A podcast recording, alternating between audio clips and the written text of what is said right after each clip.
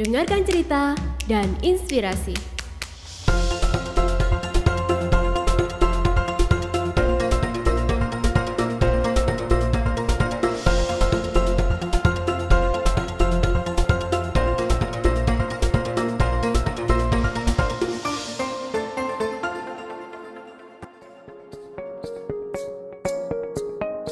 Halo guys, selamat jumpa lagi di Dengarkan Dan kali ini bersama dengan saya Ju uh, Didengarkan Bawah Sadar. Wah, Apa ini?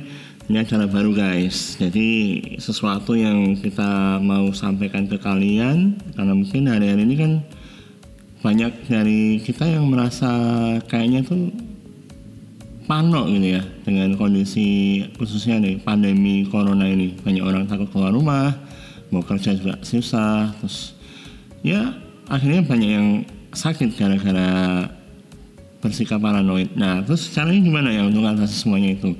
Biar kita bisa kerja dengan enak, biar kegiatan juga nggak ada perasaan takut. Dan kali ini secara khusus ada rekan kita spesial nih dari dengarkan X Strong Mind langsung dengan foundernya yaitu Mas Arnold Meka. Halo Mas Arnold. Halo Mas Jo. Iya, hari ini sehat terus Mas. Alhamdulillah sehat. Oke, sekarang kegiatannya le- lebih banyak ngapain Mas? Lebih banyak melayani konsultasi online karena jarang keluar rumah. Wih, berarti work from home juga ya Mas? ya? Kamu juga. Kena dampak juga ya. Iya. Terus gimana nih Mas? Apa yang bisa disampaikan buat eh, teman-teman sobat dengarkan nih? Ya, sobat dengarkan. Jadi kita ini ya lagi dalam kondisi pandemi corona, hampir seluruh dunia ini kena termasuk Indonesia. Nah, tapi yang saya lihat corona ini kan virus ya, dia menyerang badan. Tetapi eh, ada dampak lain yang dihasilkan oleh corona ini.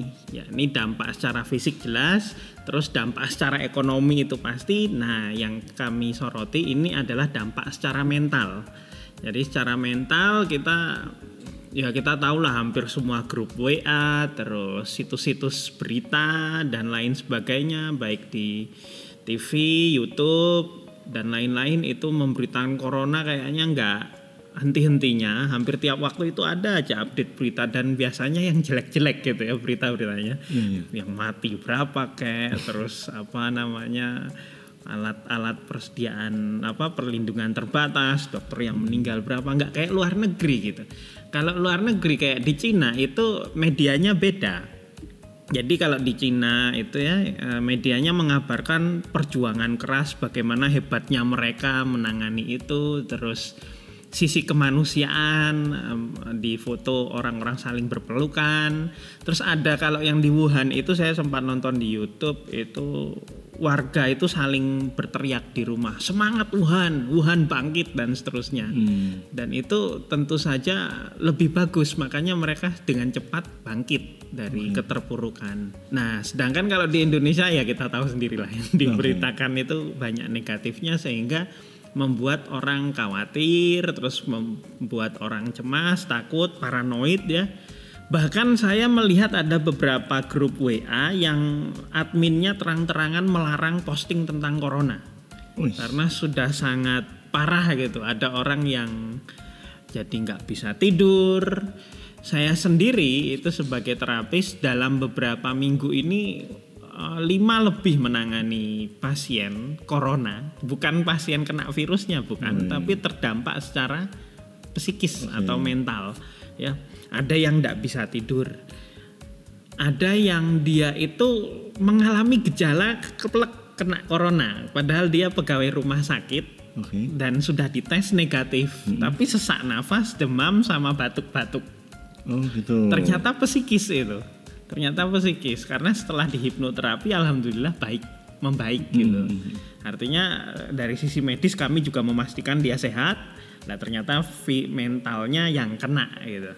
Jadi eh, corona itu menyerang fisik, tetapi pemberitaan tentang corona yang amburadul, yang banyak negatifnya itu menyerang psikis, mas. Fisik dengan psikis itu kan satu wadah. Contohnya kita secapek apa pun, lagi pulang kerja capek gitu, tahu-tahu dikasih duit 100 juta atau satu miliar gitu kan, tahu-tahu seger kita. Terus apa namanya ya banyaklah hal-hal di mana kita baik-baik saja terus dengar kabar buruk ya.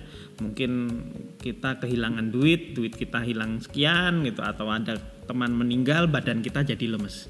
Karena memang badan dan pikiran itu jadi satu ada usahakan ketika tubuh kita sehat pikiran kita jiwa kita juga harus sehat juga. Karena dalam jiwa yang sehat itu terdapat tubuh yang sehat. Sebenarnya itu bisa dibalik ya. Teringat konten dengarkan yang dulu nih kayaknya. iya betul. Memang karena sebenarnya sederhana mas. Itu itu aja sebenarnya. Cuma Hmm. aplikasi di dunia nyata kenyataannya bisa sangat luas itu. Kasus-kasusnya bisa sangat luas. Jadi kalau dalam dunia psikologi itu dikenal dengan yang namanya psikosomatis psikosomatis itu psikis itu adalah pikiran somatis itu simptom atau gejala. Jadi gejala-gejala penyakit badan yang sebenarnya disebabkan oleh pikiran Oh, banyak ya. Wah banyak sekali bahkan Deepak Chopra itu salah satu pakar pemberdayaan diri dalam salah satu bukunya mengatakan bahwa 70% orang yang sakit itu sebenarnya bisa menyembuhkan dirinya sendiri asal dia bisa meminimalisir dan menetralisir rasa khawatir dalam dirinya.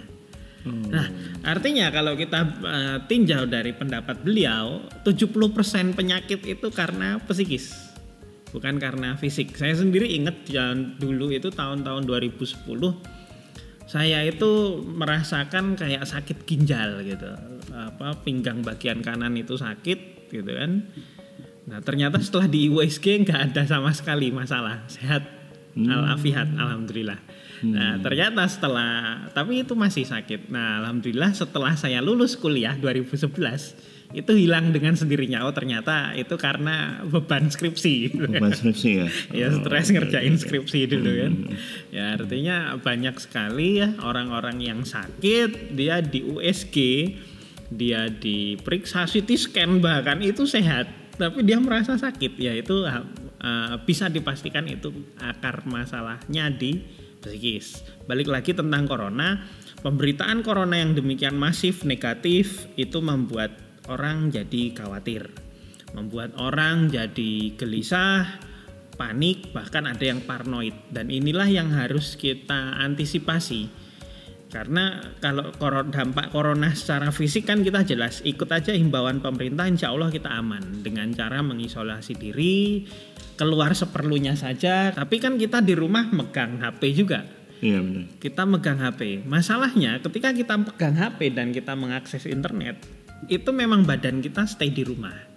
Tapi pikiran kita itu melanglang buana ke seluruh belahan dunia.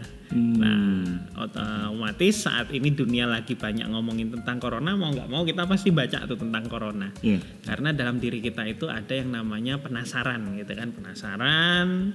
Wah, tapi ketika kita baca berita corona yang berbahasa Indonesia isinya negatif, jadi apa namanya?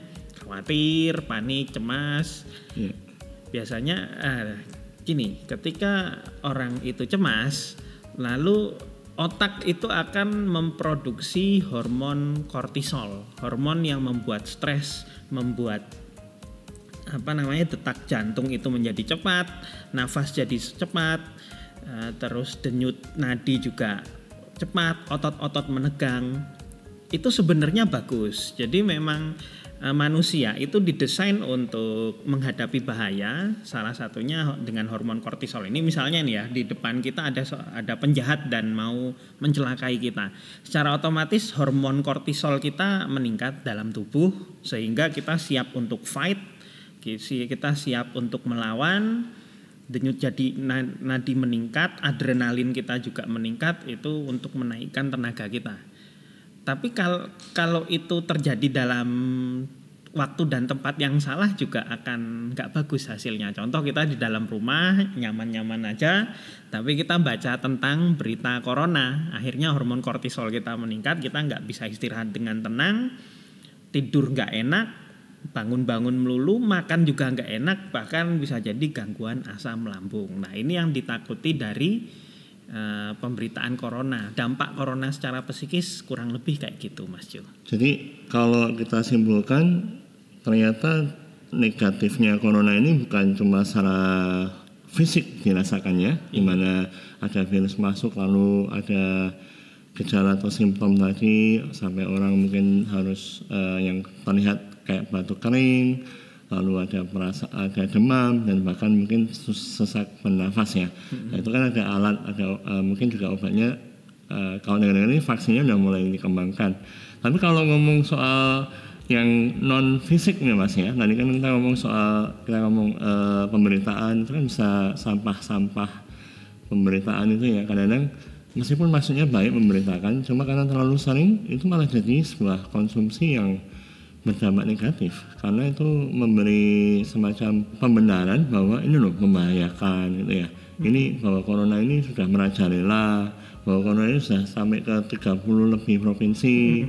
Dan akhirnya angkanya juga tiap hari yang diberitakan ya oleh kita lihat ada jubirnya Kemenkes itu itu dikatakan bukan berkurang ya kan? Tambah naik gitu. Mungkin sekarang udah mendekati 2000 kali ya. Nah hal seperti itu sebenarnya kan tidak bisa kita hindarin ya benar ya mas ya nah tapi dari sisi kan sebenarnya juga sesuatu yang kita bisa kontrol apa enggak sebetulnya Bisa. Jadi kita mengontrol diri sendiri. Eh, ada beberapa cara ya. Ada beberapa cara. Yang pertama yang paling gampang itu kalau anda sudah merasa nggak enak ketika baca berita tentang corona, ketika itu baca berita tentang corona kok badan jadi lemes, terus kok rasanya nafas sesak, sesekali batuk kering. nah itu karena itu bisa terjadi mas. Nah itu usahakan eh, kamu udah selesai, jangan lanjutin baca tentang corona. Ya, ketika sudah mulai eh, menunjukkan gejala nggak enak, udah kamu stop. Jangan tentang corona, entah yang lain lah, entah itu bisa jadi sebuah pembenaran nggak sih mas maksudnya tiba-tiba kayak eh, istilahnya ter- tersugesti gitu Iya, bisa jadi, Mas. Karena saya ngecek ke diri saya sendiri gitu. Eh, saya kan punya teknik bagaimana menyaring berita-berita negatif. Mm-mm. Jadi saya baca berita negatif sebanyak apa pun tidak berpengaruh. Hmm. Tapi eh, sekitar semingguan yang lalu saya nyoba untuk coba deh eh, apa namanya saya ingin merasakan apa yang orang lain rasakan gitu. Oke, oke. Jadi saya coba untuk melepas dulu filter tersebut, filter mental tersebut. Saya baca itu yang merinding benar mas. Saya langsung batuk, saya langsung ini agak sesak gitu. Agak sesak bahkan malamnya sempat agak demam Wus. itu. Padahal kan itu nggak kena itu. Karena saya takutan aja, saya ketakutan.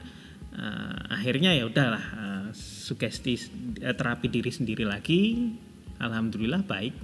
Berarti emang dampak mentalnya serem itu corona itu. Oke, jadi sebenarnya terlepas dari ini corona bukan kan sebenarnya apa pun bisa terjadi ya. Maksudnya hal yang membuat takut mungkin ya bisa jadi utang, bisa jadi tugas kuliah atau skripsi, benar ya? Betul, ya? betul, semua Nah, hal. itu sebenarnya sesuatu yang manusiawi, benar ya? Manusiawi. Wajar. Hanya memang eh, respon kita sebenarnya ya, kalau kita ngomongnya. Iya mas. Apa yang bisa kita eh, lakukan untuk menanggapi hal-hal yang mungkin menakutkan tadi itu? Nah, kita itu sebenarnya ototnya itu tidak hanya ada di badan. Kita punya otot mental juga. Otot mental ini fungsinya untuk membuat kita kuat terhadap beban-beban pekerjaan, beban-beban aktivitas kita sehari-hari. Termasuk beban emosi misalnya eh, ada orang sama-sama kehilangan duit 5 juta misalnya. Hmm. Tapi anehnya respon kedua ini bisa jadi beda. Yang pertama itu ngamuk-ngamuk, sedih, kecewa, udah semua orang dimarahin, disalahin nama dia. Yang satu bisa jadi malah seneng gitu, malah mikirnya alhamdulillah mungkin yang nemu duit itu orang yang lebih butuh daripada Oh, aku. ikhlas berarti ya. Ikhlas. Nah, ini jadi kan kita bisa lihat di sini sebenarnya yang penting dari di kehidupan itu bukan apa yang kita hadapi, tapi bagaimana respon kita terhadap peristiwa tersebut. Hmm. Nah, termasuk uh, berita tentang corona sebenarnya tidak masalah kita baca, kita menyimak itu sebenarnya tidak masalah. Tapi yang jadi masalah adalah ketika otot mental kita tidak cukup kuat untuk menyaring uh, dampak negatif berita-berita tersebut. Akhirnya ya kita uh, sakit, kita jadi gak enak badan gitu kan. Ya seperti yang saya ceritakan tadi, seminggu itu saya udah nemu sekitar 4 sampai 5 orang yang dampak yang kena dampak negatif dari pemberitaan tentang corona. Gitu. Hanya pemberitaan aja bisa kayak gitu ya mas? Iya, hanya pemberitaan bisa kayak gitu. Oke, oh saya sampai kena nih.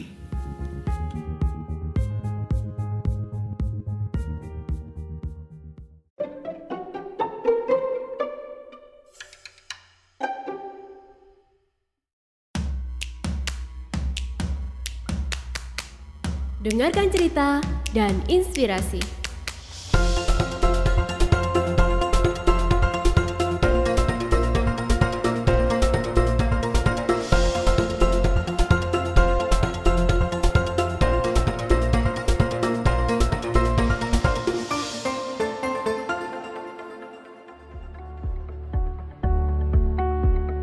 Yuk kembali lagi didengarkan bawah sadar. Nah ini acara yang unik karena kita khusus untuk membahas sesuatu yang sifatnya itu di bawah sadar mas. Jadi di bawah permukaan kulit, eh, di bawah permukaan kesadaran ya. Iya. Karena manusia hidup itu kan ada dua macam eh, bentuk kesadaran, yaitu alam sadar dan alam bawah sadar. Nah, kalau pengen tahu detailnya, buka di aplikasi dengarkan. Kita punya tema namanya Aku adalah apa yang aku pikirkan. Eh, Sama dari Mas Arnold Meka juga. Spesial banget karena udah banyak eh, ribuan orang yang mendengar, Mas.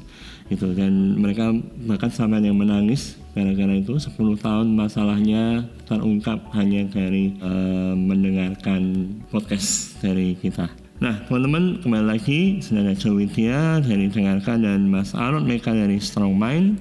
Kita berkolaborasi untuk melawan Corona. Teman-teman ada satu bonus buat kalian.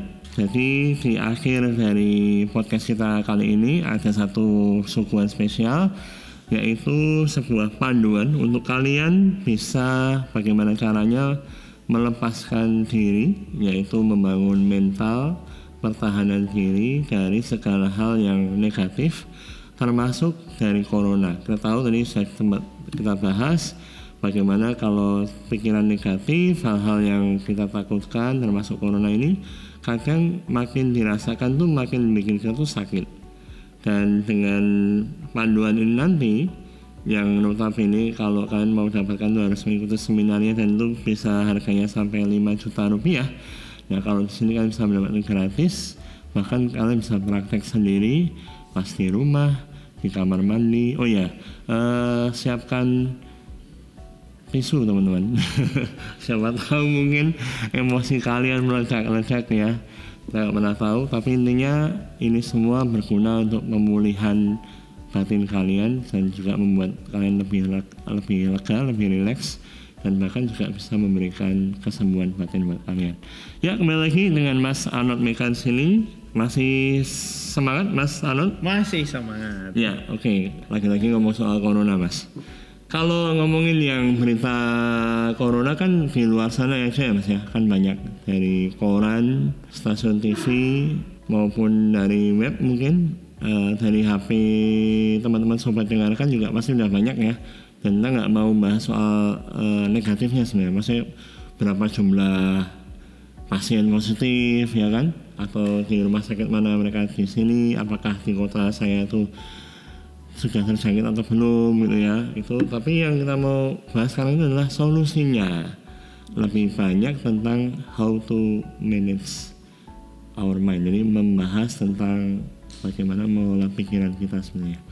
Nah kalau lanjut lagi mas. Bagaimana perjalanan seseorang tuh bisa terkena virus corona secara mental ini mas? Virus corona secara mental. Jadi eh, kita itu kan tahu berita itu lewat apa HP, YouTube, TV dan lain sebagainya, koran bisa jadi. Nah, yang kita baca, yang kita dengarkan itu akan masuk ke talamus di bagian otak. Talamus akan menyalurkan ke amigdala istilahnya. oke Amigdala ini adalah bagian dari otak mamalia dalam eh, otak tengah lah ya, otak tengah. Ada yang namanya amigdala. Amigdala ini fungsinya untuk memberitahu kita eh, kalau ada bahaya. hmm, warning. Warning itu fungsinya alarm tubuh lah ya. oke Jadi misalnya gini, dulu saat kecil kita pernah kejatuhan cicak. oke Nah, cicak Nah, itu langsung orang tua kita teriak-teriak tuh. Wah, cicak itu bahaya gitu kan tandanya mau ketiban sial. Oh, mitos. Mitos gitu. Nah, saat kita gede, data itu kan masih ada dan tidak dirubah bahwa cicak kejatuhan cicak artinya ketiban sial. Masih terekam ya? Masih terekam di amig- amigdala itu. Mm-mm. Nah, terus satu seketika kita waktu gede ketiban cicak, amigdala kita aktif. Langsung me- apa namanya? Langsung men-trigger otak kita untuk memproduksi hormon-hormon yang membuat kita stres. Oh, Ya, kortisol salah satunya. Itu Oke, jadi ketika kita membaca mata dan telinga melihat tentang bahayanya corona, amigdala kita aktif dan dia memerintahkan otak untuk memproduksi hormon kortisol. Hormon kortisol ini akan membuat badan menjadi tegang, otot-otot menjadi kaku, terus nafas jadi pendek, lalu detak jantung cepat. Nah, kurang lebihnya seperti itu, Mas, tinjauan dari neurologinya. Sebenarnya banyak bagian-bagian yang lebih jelimet lagi. Saya Oke. tapi kalau menjelaskan di sini nanti Ya ya. Jadi poinnya adalah dari informasi yang kita dapat atau eh, berita yang kita lihat maupun kita dengar itu memicu eh, otak kita untuk mengeluarkan kortisol betul. dan itu ber- berefek panjang, berefek domino gitu ke fisik kita. Ke fisik kita. Oke, nah lalu dengan kondisi yang sangat crowded banyak sekali di HP saya ini notifikasinya kayak gitu semua mas. Berita positif hari ini. ya. Padahal saya nggak minta itu. Tapi ya mau dikata ya itulah eh, konsekuensi kemajuan teknologi. Tapi bicara tentang bagaimana cara memanage mas. Cara memanage tentu saja kita secara sadar membatasi ya. Kalau perlu matiin dulu tuh HP, kita ngumpul sama keluarga, hahi bareng mereka. Itu juga bagian dari kesembuhan ya bisa. Banget mas. Jadi selama ini tuh kita kan terlalu disibukkan dengan HP ya. Kita sampai lupa kalau kita ada mungkin kalau yang udah menikah ada anak istri, yang belum menikah kita ada orang tua. Nah saat yang tepat saat ini adalah berbagi. Waktu-waktu yang hilang karena HP itu berbagi dengan mereka-mereka itu. Itu akan jadi momen yang eh, luar biasa bagus. Bahkan ada anak yang ini bukan saya yang menangani tapi kolega saya itu ada anak yang ini kurang pede ya kurang pede Nah, semenjak adanya corona ini kan bapaknya jadi banyak di rumah bapaknya banyak di rumah bercengkrama sama si anak gitu kan kepercayaan diri anak ini meningkat Oh. karena bisa jadi dalam ini dalam tanja, tinjauan bawah sadar anak yang kurang pede itu eh, salah satunya kurang dekat dengan salah satu orang tua. Terutama bapak biasanya. Kurang pede itu kan karena merasa kurangnya ada perlindungan. Dan perlindungan itu bisa disediakan oleh figur yang namanya bapak. Nah, anak yang kurang pede itu ketika dekat dengan bapaknya dia merasa ada perlindungan, bisa akhirnya lebih ceria, lebih pede lah ya bergaul gitu. Betul. Dan saya juga karena latar belakang orang teknologi ya mas. Jadi melihat sekarang ini kan orang jadi mulai melek digital. Mm-mm. Di mana orang dituntut untuk bekerja di rumah, berhubungan dengan orang lain harus pakai telekonferensi. Yang tadinya nggak paham soal koneksi bla bla bla ya harus pakai nah ya, Mas, ya aplikasi dan itu dan mau nggak mau sekarang termasuk itu adik saya pun juga tiap hari mengajar anaknya juga memakai aplikasi-aplikasi digital itu. Nah mau nggak mau kan itu memperkenalkan teknologi kepada anak kecil dari sejak dini. gitu. Jadi sebenarnya kalau kita melihat segala hal itu selalu ada dua sisi ya mas, negatif dan positif. Nah ini bagaimana caranya kita bisa konsisten melihat salah satu dari sisi positifnya daripada negatifnya. Ya betul ya namanya dunia itu pasti ini kan masih dunia ya itu pasti ada positif ada negatif termasuk corona. Nah jadi kalau saya itu punya grup ya grup apa alumni peserta saya yang RKB itu yang sangat aktif itu beberapa waktu yang lalu saya memang fokuskan kalau mau posting corona yang positif aja. Wah itu ternyata banyak itu apa namanya kedekatan orang tua sama anak Terus bagaimana ternyata kita anu apa? ungkapan bahwa manusia itu baru sadar bahwa memiliki sesuatu yang berharga itu ketika kehilangan itu ada benernya juga. Hmm. Ya, ketika kita oh ternyata eh, selama ini keluarga kita itu sangat berharga. Oh iya betul. Terus kasih sayang, terus eh, kemarin apalagi ya tentang bumi yang mulai memperbaiki diri Ya betul. apa lapisan ozon yang saya baca sekilas itu ya. Kayaknya salah satunya lapisan ozon yang kembali mulai bagus gitu. Jadi eh, kita fokuskan karena sekarang kan ada Google enak aja ketika kita pengen baca berita ya kita googling aja dampak positif corona. Gitu kan. covid Iya, itu ada kayaknya. Pastinya ada ya. Nah kita kita fokuskan di situ aja Terus langkah pertama jelas itu. Jadi kalau yang pertama mengasingkan diri dari berita negatif dan hanya fokus terhadap berita yang positif. Yang pertama itu. Yang kedua, kalau kita emang saking terpaparnya dengan negatif itu sampai sulit untuk melepaskan diri, itu eh, kita pakai metode menulis Menulis. menulis ya. Jadi kalian teman-teman semua so- sobat dengarkan itu cukup tulis apa yang kalian rasakan di sebuah kertas pakai pakai bolpen. Pakai bolpen atau pensil. Tulis yang dirasakan. Aku merasa khawatir, cemas, terus badanku rasanya kaku, dadaku rasanya sesak karena membaca, terlalu banyak membaca berita negatif tentang corona. Pokoknya ditulis semua. Hmm. Kenapa dengan menulis itu bisa menjadi solusi? Karena gini, ketika eh, kita itu kan otaknya itu ada dua belahan. Otak manusia modern itu ada dua belahan, otak kanan dan otak kiri. Saat kita dikuasai emosi tertentu, panik, stres, cemas, itu otak kanan kita terlalu dominan. Otak kanan kita itu terlalu dominan sehingga otak kiri kita ketinggalan, nggak bisa apa mengimbangi. Lah dengan menulis, menulis itu kan ada aturan, Mas. Ada logika, ada aturan, ada urutan-urutannya menulis itu. Dan itu membangkitkan aktivitas otak kiri sehingga bisa mengimbangi aktivitas otak kanan. Nah, kalau otak kanan dan otak kiri ini aktif, secara otomatis kita lebih mudah mengatur emosi.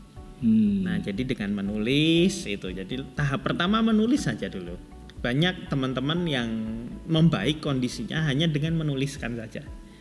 Kalau menuliskan belum apa namanya? belum cukup, itu habis itu dibaca tulisan itu terus kita mengakui kita meng- merasakan itu semua. Hmm. Aku akui bahwa aku merasakan ini semua. Aku tidak menyangkal sedikit pun aku merasakan ini. Nah, dengan mengakui itu otot-otot kita menjadi rileks.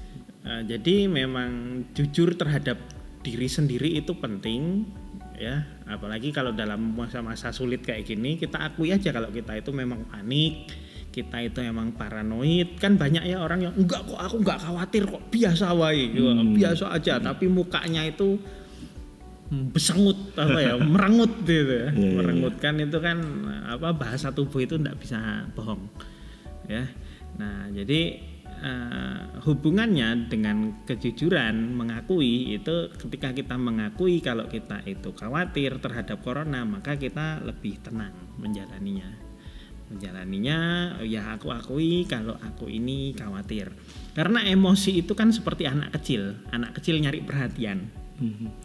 nyari perhatian. Nah, kalau kita sangkal, kita diemin dia, dia akan nyari perhatian. Misalnya sifat khawatir ini dia nyari perhatian dengan membesar-besarkan dirinya gitu. Kita jadi tambah khawatir, kita eh, dia pengen diakui keberadaannya. Ketika kita nyangkal, enggak kok aku enggak khawatir, biasa wae, biasa saja. Itu ya dia semakin caper sama kita. Capernya itu ya dengan cara membesarkan intensitas. Kita jadi tambah khawatir, otot-otot kita jadi tambah tegang, dada kita tambah sesek. Hmm. Nah, itu jadi caranya dia kayak gitu nyari perhatian. Nah, Jadi itu anu ya menipu diri sendiri gitu ya. menipu diri sendiri. Menipu diri sendiri itu paling bahaya kalau dibanding nipu orang lain. Nipu orang lain yang celaka kan paling orang lain. Iya. Tapi kalau nipu diri sendiri yang celaka adalah diri kita sendiri. Hmm, Oke. Nah, berarti kalau kita pernah bahas tentang menyangkal, menyangkal diri, ini berarti sama dengan itu. Eh, kurang lebih sama, Mas. Gitu ya.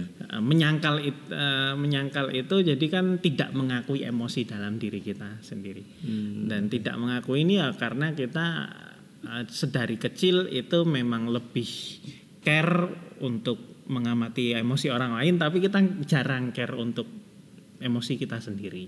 Oke.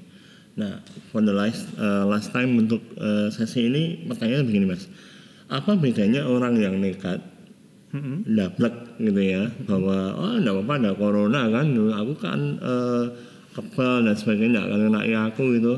Dengan orang yang uh, pura-pura gitu, maksudnya sok-sokan gitu loh. Sebetulnya dia tahu di sana ada bahaya, sebenarnya kan harus menjaga diri ya. Kenapa harus di rumah? Karena di luar sana ada potensi ketular dan sebagainya.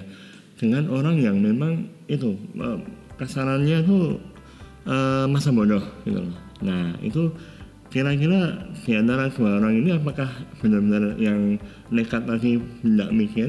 Ya ini kalau ini maaf kata paling kasar saya ngomong orang gila mas.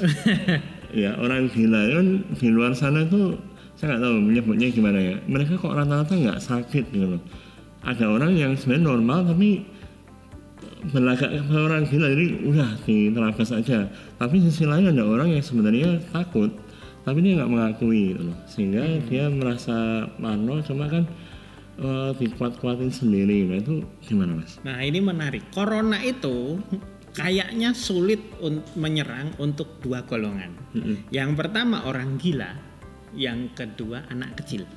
Loh kenapa ya? Nah, lihat aja pemberitaan corona anak kecil yang jadi korban berapa? Presentasinya kecil banget, hampir nggak ada. Hmm. Karena anak kecil itu taunya main, senang-senang. Dia belum kepikiran beban utang, dia belum kena beban kerjaan sekolah, kerjaan kuliah, tugas-tugas di pekerjaan dia gak ada. Intinya eh, pikiran dia cuma main aja. Tidak punya beban hidup. Tidak punya beban hidup ya. Iya. paling dimarahin orang tua. Gitu kan. Heeh. sedangkan orang gila itu ah, ini ada banyak pakar neurologi dokter-dokter syaraf yang mengatakan orang gila itu produksi endorfinnya tinggi. Endorfin itu adalah hormon dari otak kebalikannya kortisol mas.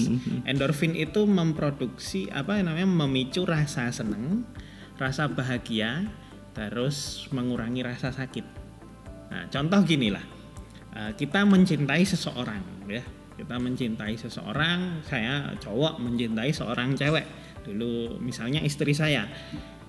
Karena rasa cinta saya, rasa senang saya sama istri, saya mau walaupun harus menempuh jarak ratusan kilo karena eh, istri saya kebetulan Jawa Timur ya. Jawa Timur itu saya rela, Mas saya rela naik kereta pesen kereta gitu kan. Belum tahu alamatnya yang penting bisa nemui orang tuanya untuk nembung. Karena apa? Karena ke- eh, rasa cinta saya itu memicu otak memproduksi endorfin. Oke. tapi contoh ketika saya nggak mencintai seseorang ngapain saya harus repot-repot ke sana? Kalaupun saya harus ke sana pasti badan saya berat Benar. males Iya, terus Melakukan sesuatu yang nggak nggak suka ini sebenarnya. Iya, melakukan sesuatu yang nggak kita cintai itu tidak salah, tapi akan sangat berat rasanya. Menderita. Menderita, bisa dibilang menderita, Mas ya. Nah, itu ya. Itu orang gila itu endorfinnya tinggi. Makanya kalau pengen bahagia, Salah bilang. oh nggak ngomong aku, nggak ngomong gitu. Iya iya. Saya bukan berpura-pura jadi gila kan ya. Nah, masalahnya gini, Mas. Ketika orang itu, kalau orang gila kan dia nggak punya data tentang corona. Oke. otaknya sehingga dia ya udah nyantai aja. Sedangkan kalau orang yang sok-sokan tadi sebenarnya di dalam otaknya itu ada data tentang corona dan di dalam batinnya dia menyimpan rasa takut. Tapi dia pengen gagah-gagahan. Wah, aku nggak apa-apa ini lihat saya gagah. Ya, saya ya. hanya takut Allah, Wah, Tuhan gitu kan. Wah. Tidak takut corona gitu. Tapi ngomong gitu sensitif loh mas. Hah? Eh, ada oh enggak, langsung tak omongin aja karena gini, kalau emang anda mikir gitu ya udah anda nyebrang jalan merem ya. Iya iya. Katanya benar-benar. Karena ini maaf kata nih ya ini kalau mau eh, dengarkan saja sekalian ya. Ada sebuah orang yang memberikan tausiah ya, memberikan itu bukan dari Tuhan gitu. Jadi nggak usah takut takut pada Allah saja gitu. Oke, konteksnya gini, eh, kita itu tidak mungkin lebih beriman daripada kalau saya Muslim loh ya, tidak mungkin lebih beriman daripada Nabi Muhammad, tidak mungkin lebih beriman daripada Umar bin, bin Khattab. Lah, sedangkan Nabi Muhammad sendiri ketika beliau berkat, bersabda bahwa ketika ada sebuah wabah, kamu jangan pergi ke sana. Dan kalau di daerah kamu ada wabah, kamu jangan keluar ke mana-mana. Artinya apa? Nabi Muhammad menerapkan sistem isolasi. Hmm. Beliau nggak ngomong takut sama Allah, jangan takut sama wabah atau taun zaman dulu. Kan nggak gitu. Itu Nabi Muhammad yang paling beriman loh ya. Oke oke. Dan kalau konteks Umar bin Khattab itu beliau suatu ketika pernah mau bepergian dan ada kabar daerah di mana tempat mau beliau pergi itu ada wabah penyakit. Hmm. Lalu beliau membatalkan niatnya itu. Ada sahabat lain yang tanya, "Wahai Umar, apakah kamu menolak takdir?" Enggak. Jawabannya enggak. Saya eh, menghampiri takdir yang lebih baik dan menolak takdir untuk menjauhi takdir yang lebih buruk. Oh. Artinya apa? Orang-orang yang beriman saja masih realistis kok cara menghadapinya. Berarti sekalipun beriman pun yang berhubungan dengan Tuhan langsung rohani notabene itu juga ada pertimbangan nalar yang Oh ya pasti mas. logis gitu. Ada pertimbangan yang logis. Misalnya kita kita lagi kondisi perang gitu kan, para sahabat Nabi itu pernah sholat sambil lari gitu. Oh ya? Sholat sambil lari itu pernah, terus sholat sambil megang pedang itu pernah. Artinya apa? Memang eh, secara batin itu eh, hubungan dengan Tuhan tetap terjaga, tapi secara fisik ya kita menyesuaikan kondisi Oh ya benar. gitu. Ya itu yang disebut sebagai eh, hidup atau kerja sebagai ibadah ya sebenarnya. Jadi Betul. membawa ibadah itu dalam segala hal sebenarnya. Iya, sorry ya masih agak emosi soalnya saya sering berdebat dengan orang-orang kayak gini. Oh, iya, nggak Dan alhamdulillah mereka sebenarnya cukup menerima konsep ini karena Hmm. karena hadis-hadis yang kami selontarkan riwayat-riwayatnya soheh Iya, alias iya, bisa iya. dipertanggungjawabkan valid. Karena begini mas, eh ini teman-teman yang eh, yang Nasrani juga mem- pernah membagi sebuah link yang meninggal di Bogor itu ada sebuah kebaktian pulang ke Bandung. Itu seorang pendeta terkenal juga hamba Tuhan. Jadi apa yang salah gitu loh? Kan nggak ada yang salah. Yang namanya orang manusia kan kalau kena virus yang kemudian fisiknya nggak kuat ya sudah. Gitu loh. dan selain kita ngomong soal takdir ya kalau itu kan nggak bisa ngu- mengubah istilahnya. Nah itu yang saya pengen eh, clearkan karena di luar sana di luar konteks ngomong soal orang gila tadi? Saya cuma heran ada orang yang mengatakan seperti itu. Jadi seolah-olah kalau sudah kita punya iman itu habis perkara semuanya bisa dilibas gitu loh. jadi kalau kita ngomong eh, seperti halnya apa takut pada Tuhan jadi kalau ada singa ya ya itulah paham ya. Jadi Iya. gitu. Jadi jangan sampai salah mengerti sampai dengarkan jadi kita ini nggak- mau me- apa namanya memfrontal atau mengkonfrontir ya lebih pengen memberi sebuah pengertian Edukasi saja, ya. edukasi, betul karena kan semangatnya dengarkan itu memberi edukasi dan yang menghibur itu.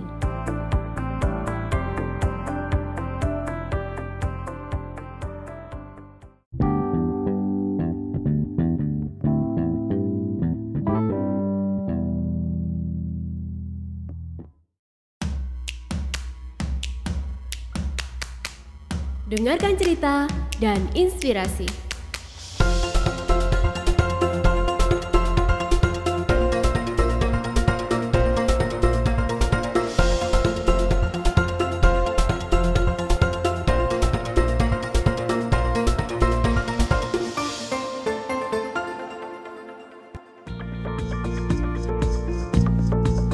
Kembali bersama dengan Tia di sini dan Arnold Meka kolaborasi dengarkan X Strong Mind dengarkan lawan Corona. Ini top nih mas.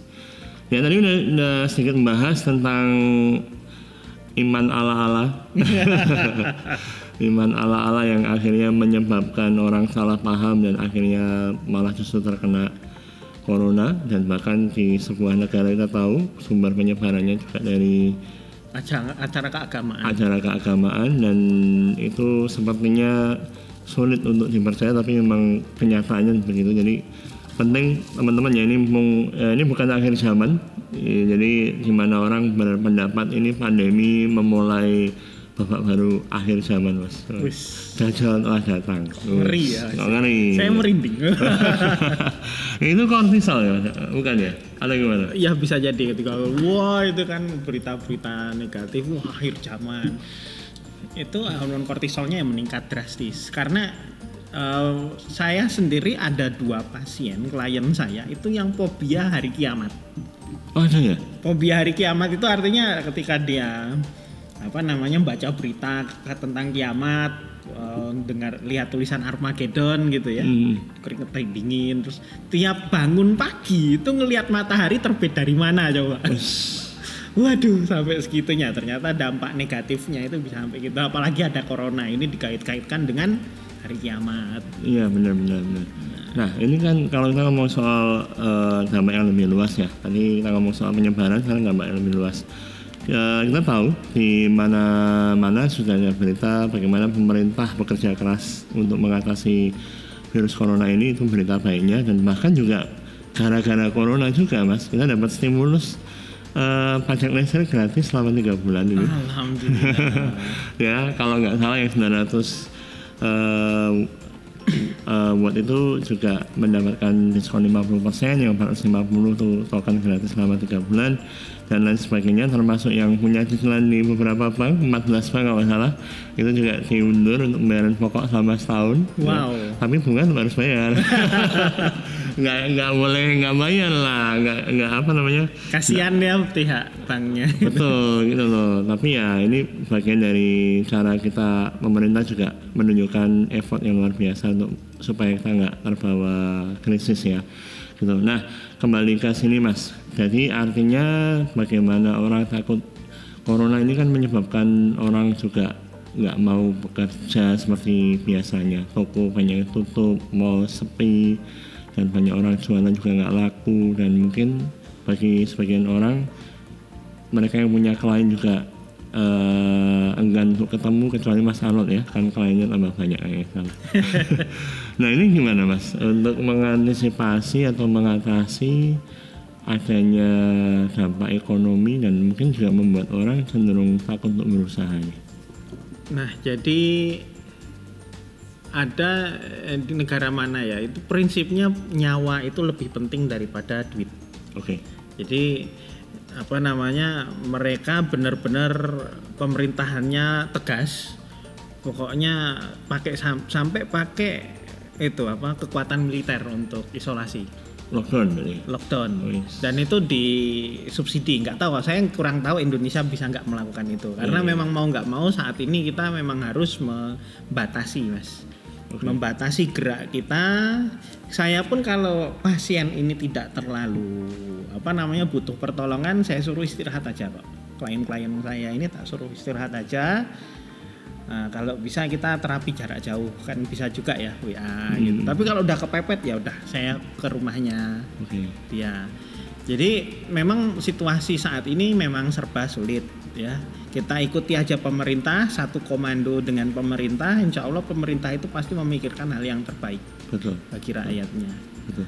Nah, kembali ke tadi tentang apa namanya, eh, berarti tetap harus diakui bahwa ini memang kondisi sekarang lagi seperti ini. ya? Oh iya, saya nggak pernah nggak mengakui ini kondisi tersulit. Bahkan orang tua saya, orang-orang tua saya, tetangga-tetangga itu saya tanya dulu pernah nggak kayak gini? Nggak ada. Wah, Ya, dalam puluhan tahun belakangan nggak ada. Dan ini memang harus diakui sesuatu yang sulit. Mm-mm. Tapi sekali lagi ketika kita mengakui maka beban mental kita itu berkurang. Oke. Saya lagi sulit.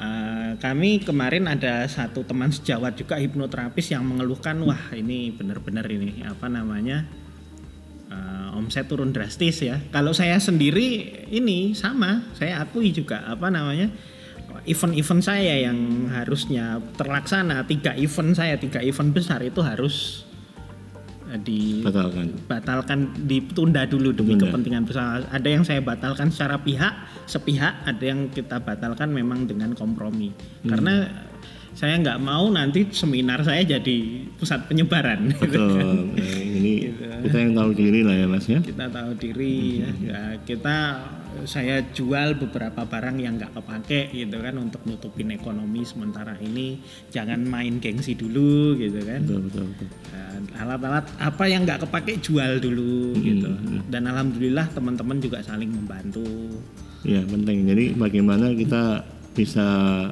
salah satu cara mengatasi kebun bukan bukan kebun kebuntuan sih ya istilahnya mungkin kesulitan ekonomi ini dengan cara solidaritas ya. solidaritas Benar. Jadi bisa saling berbagi informasi, ada informasi pekerjaan atau apa yang bisa dikerjakan dalam rumah betul, betul. Nah, oke, jadi penting sekali membangun pertahanan diri terhadap corona ini dimulai dari mental kita pribadi ya mas. Dan itu dari lingkup yang paling kecil dari kita pribadi dan keluarga kita. Kebutuhan untuk saling mensupport, bisa saling mendengarkan satu sama lain itu juga membantu pasti ya. sangat membantu. Ya tapi kecuali ya teman-teman yang gajiannya harian sementara negara kan belum bisa mengcover kebutuhan kita ya mau nggak mau teman-teman itu yang gajinya harian ya teman-teman ojek online itu ya harus tetap berjuang. Kami doakan juga semoga kita doakan juga ya mas ya Ya, ya. lancar Betul. rezekinya tetap ada jalan keluar Betul. Nah ini juga bisa saya percaya di beberapa dari sobat dengarkan juga merupakan pelaku ekonomi apa namanya eh, Harian. harian gitu ya. Jadi mereka termasuk teman-teman ojol itu. Jadi jangan putus asa teman-teman. Jadi eh, pasti yang namanya eh, angsuran leasing tetap bisa terbayar lah bulan ini pasti ya. Kita doakan begitu. ya. Nah, oke. Nah, kemudian yang terakhir sebagai bagian dari eh, konklusi kita untuk hari ini tema dengarkan bawah sadar spesial lawan corona ini gimana, Mas? Corona itu punya banyak ini ya, dampak ya, dampak secara fisik jelas, dampak secara ekonomi juga jelas, tapi dampak secara psikis itu jarang kita sadari. Mm-mm. Dampak secara fisik kita tinggal ikut anjuran pemerintah, tetap di rumah, keluar kalau perlu, Cuci terus tangan. cuci tangan gitu kan jaga jaga kebersihan. Lalu dampak secara ekonomi ya kita sabar.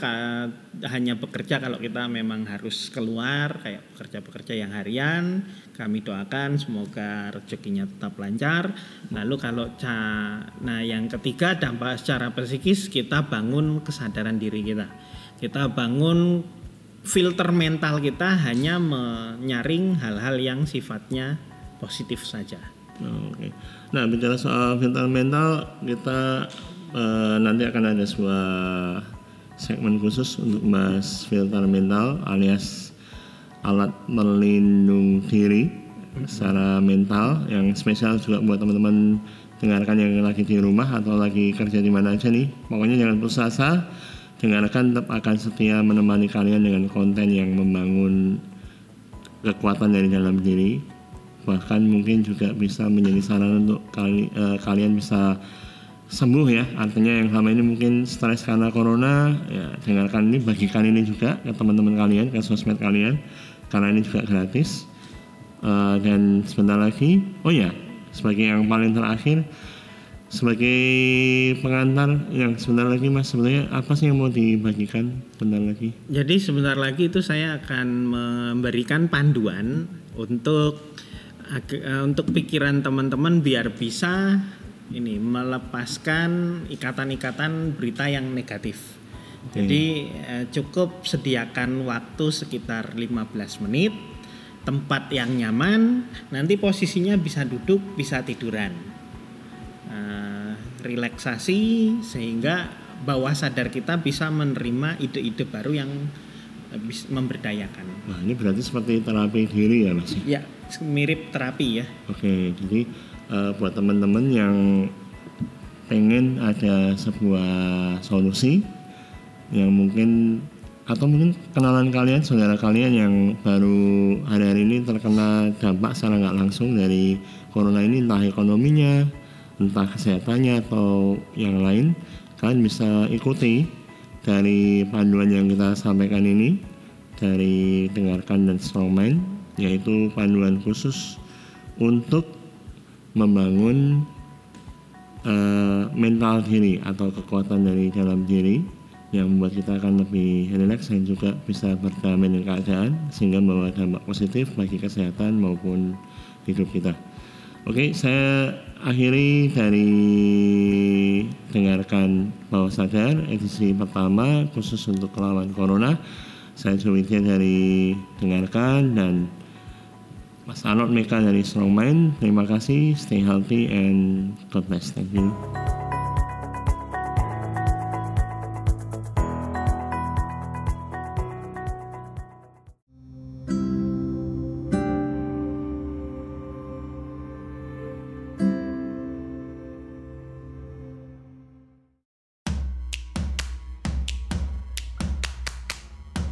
Dengarkan cerita dan inspirasi.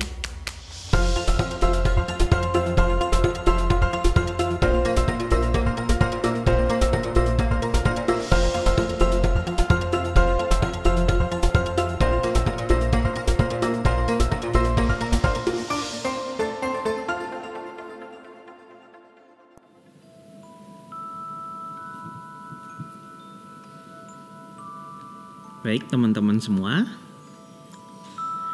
silahkan posisikan diri Anda, diri kamu untuk rileks dan nyaman. Boleh duduk bersandar atau tiduran terlentang. Niatkan, izinkan, dan biarkan seluruh tubuh dan pikiran menjadi tenang, santai, rileks, dan nyaman.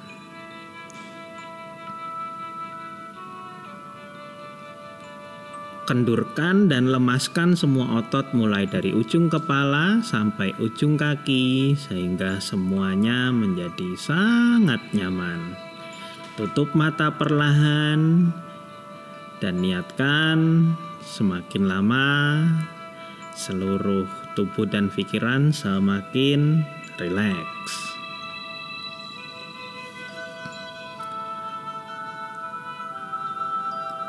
Kendurkan dan nyamankan otot-otot yang ada di ubun-ubun kepala sehingga menjadi sangat kendur dan nyaman rileks. Rasa nyaman itu sebarkan ke otot-otot di dahi sehingga otot-otot di dahi terasa sangat rileks, sangat nyaman, kendur dan beristirahat dengan sangat nyaman. Lalu lemaskan dan rilekskan otot-otot yang ada di pelipis. Otot-otot yang ada di pelipis dibuat kendur, rileks, nyaman. Kemudian otot-otot yang ada di kelopak mata semakin kendur dan terasa sangat nyaman. Otot-otot yang ada di seluruh wajah termasuk pipi, bibir, dan dagu menjadi rileks, mengendur, terasa nyaman. Kemudian otot-otot yang ada di leher juga dibuat sangat rileks. Kendurkan, rilekskan, dan nyamankan otot-otot yang ada di leher, baik leher bagian depan, samping, maupun belakang. Terasa nyaman. Kemudian otot-otot yang ada di bahu atau pundak, semuanya sangat nyaman masuk ke alam relaksasi yang begitu nyaman, Otot-otot yang ada di bahu dan pundak mengendur, semakin kendur dan semakin kendur. Lalu rasa rileks dan nyaman itu menyebar ke kedua pangkal lengan, baik lengan kanan maupun lengan kiri.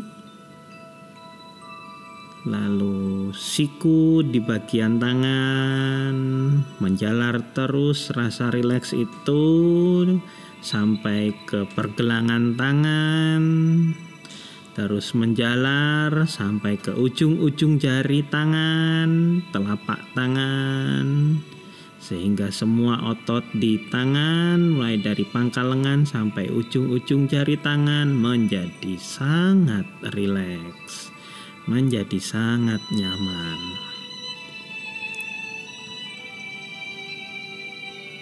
Sekarang rasa rileks dan nyaman itu menyebar ke dada, mengendurkan otot-otot yang ada di dada kamu.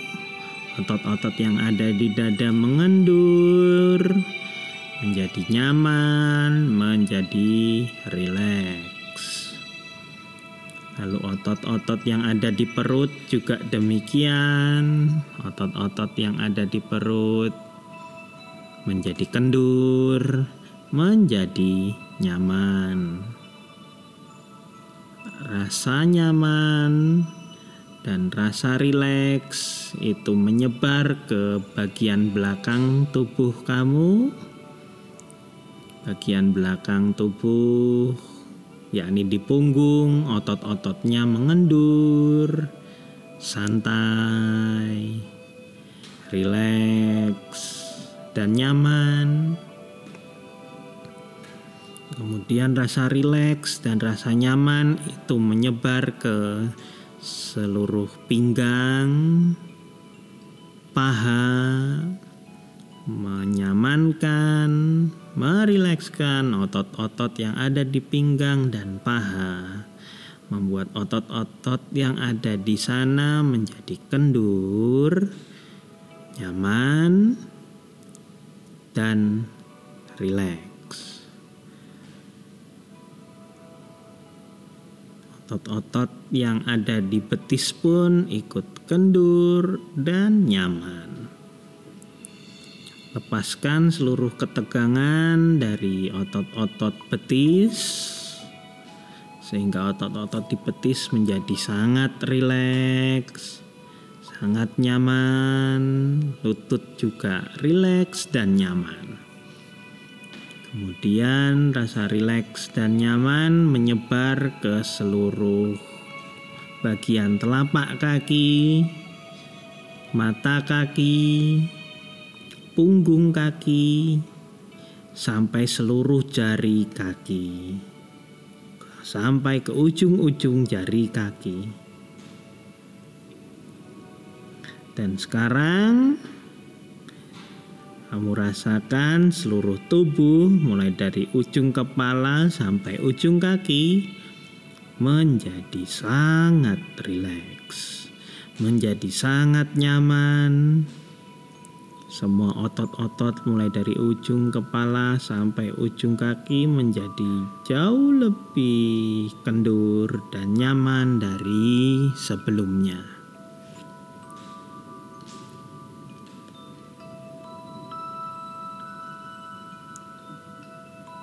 Bagus. Saya tahu kini Anda berada dalam kondisi yang benar-benar nyaman, tapi saya akan membantu Anda menjadi lebih rileks dan nyaman lagi. Saya hitung 10 turun ke 1. Setiap hitungan membawa kamu menjadi dua kali lebih rileks dari sebelumnya. Kita mulai 10. Sembilan, Dua kali lebih rileks dari sebelumnya. Delapan, Tubuh dan pikiran kamu menjadi dua kali lebih rileks dari sebelumnya. Delapan, tujuh, masuk ke alam relaksasi yang jauh lebih nyaman, rileks, dan damai. 6. Semakin rileks dan nyaman, semakin tenang dan santai, masuki alam relaksasi yang jauh lebih dalam dari sebelumnya. 5 tubuh dan pikiran bersama-sama menjadi jauh lebih rileks, bekerja sama bersama-sama tubuh dan pikiran masuk ke alam relaksasi yang jauh lebih dalam dari sebelumnya. 5 4 Semakin nyaman, semakin rileks. 4 3 Pikiran Anda rileks, tubuh Anda rileks, tubuh dan pikiran masuk ke alam relaksasi yang lebih nyaman, rileks dan dalam tiga, dua. Tubuh dan pikiran bersama-sama memasuki alam relaksasi dua kali lebih dalam dari sebelumnya. Tubuh lebih nyaman, santai, otot-ototnya semakin kendur, pikiran menjadi damai, tenang, nyaman, dan tentram. Dua dan satu. Kini Anda masuki alam relaksasi yang benar-benar dalam, rileks, dan sangat nyaman. Bagus sekali, bagus sekali. Nikmati rasa rileks ini, nikmati kondisi yang nyaman ini. Sementara Anda merasakan sensasi yang benar-benar nyaman yang membuat relaksasi Anda menjadi semakin dalam, semakin rileks. Suara-suara yang Anda dengar, suara-suara yang kamu dengar, termasuk suara musik, suara saya, maupun suara-suara yang lain mengantar kamu menjadi lebih rileks dan nyaman. Semakin lama relaksasi yang ada di tubuh dan pikiran kamu menjadi semakin dalam dan semakin rileks.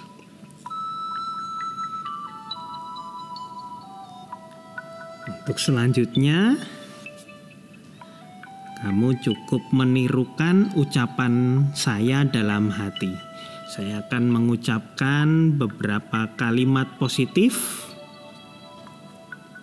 Saya akan mengucapkan kalimat positif dan saya ulangi beberapa kali. Tugas kamu sederhana, nikmati dan ulangi setiap kata-kata positif yang saya ucapkan. Ulangi dalam hati kamu. Kita mulai sekarang. Mulai saat ini dan seterusnya, saya adalah pribadi yang mampu memilah dan memilih informasi yang boleh aku cerna.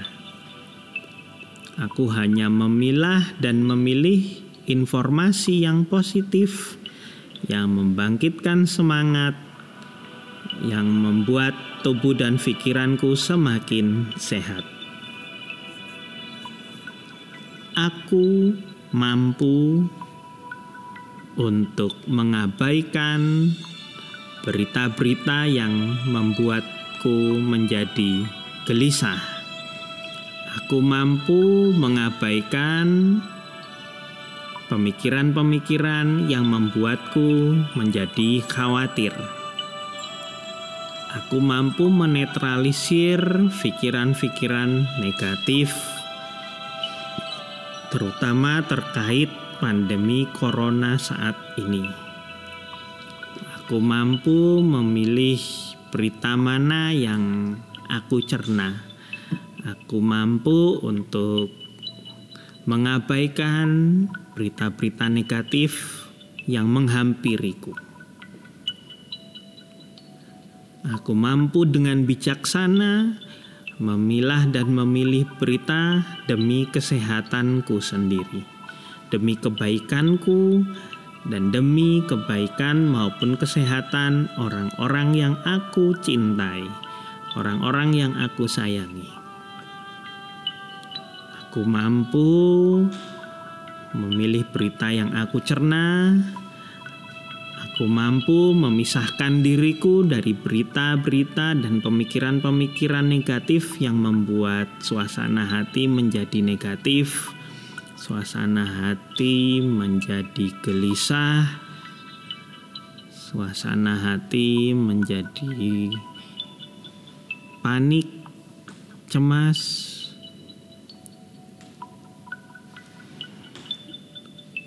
Aku menjadi pribadi yang jauh lebih bijaksana dalam mencerna setiap pemberitaan tentang corona. Dengan demikian, hari demi hari aku semakin optimis, mampu menjalani aktivitas di rumah dengan tenang. Aku mampu menjauhkan diriku dari stres. Aku mampu menjauhkan diriku dari panik dan berbagai emosi negatif lainnya.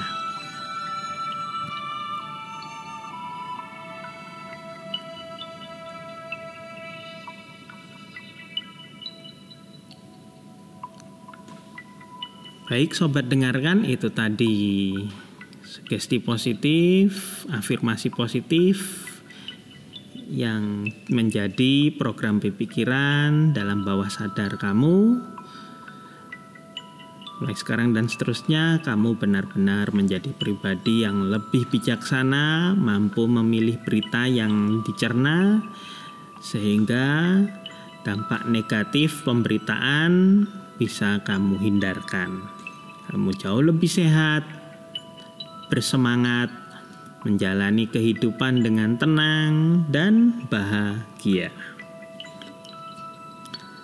Selanjutnya saya akan menghitung 1 sampai 5 di hitungan kelima kamu buka mata, bangun, segar bugar dengan kondisi yang jauh lebih bersemangat dan memberdaya dari sebelumnya.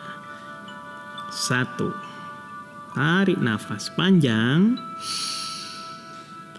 Hembuskan perlahan. Saat menarik nafas tadi, Izinkan diri kamu menghirup energi positif dan saat menghembuskannya, izinkan energi negatif keluar bersamaan dengan hembusan nafas. Dua, gerakan kaki dan tangan. Tiga, gerakan kaki dan tangan lagi lebih cepat dari sebelumnya. Empat, tarik nafas panjang, hembuskan pelan-pelan.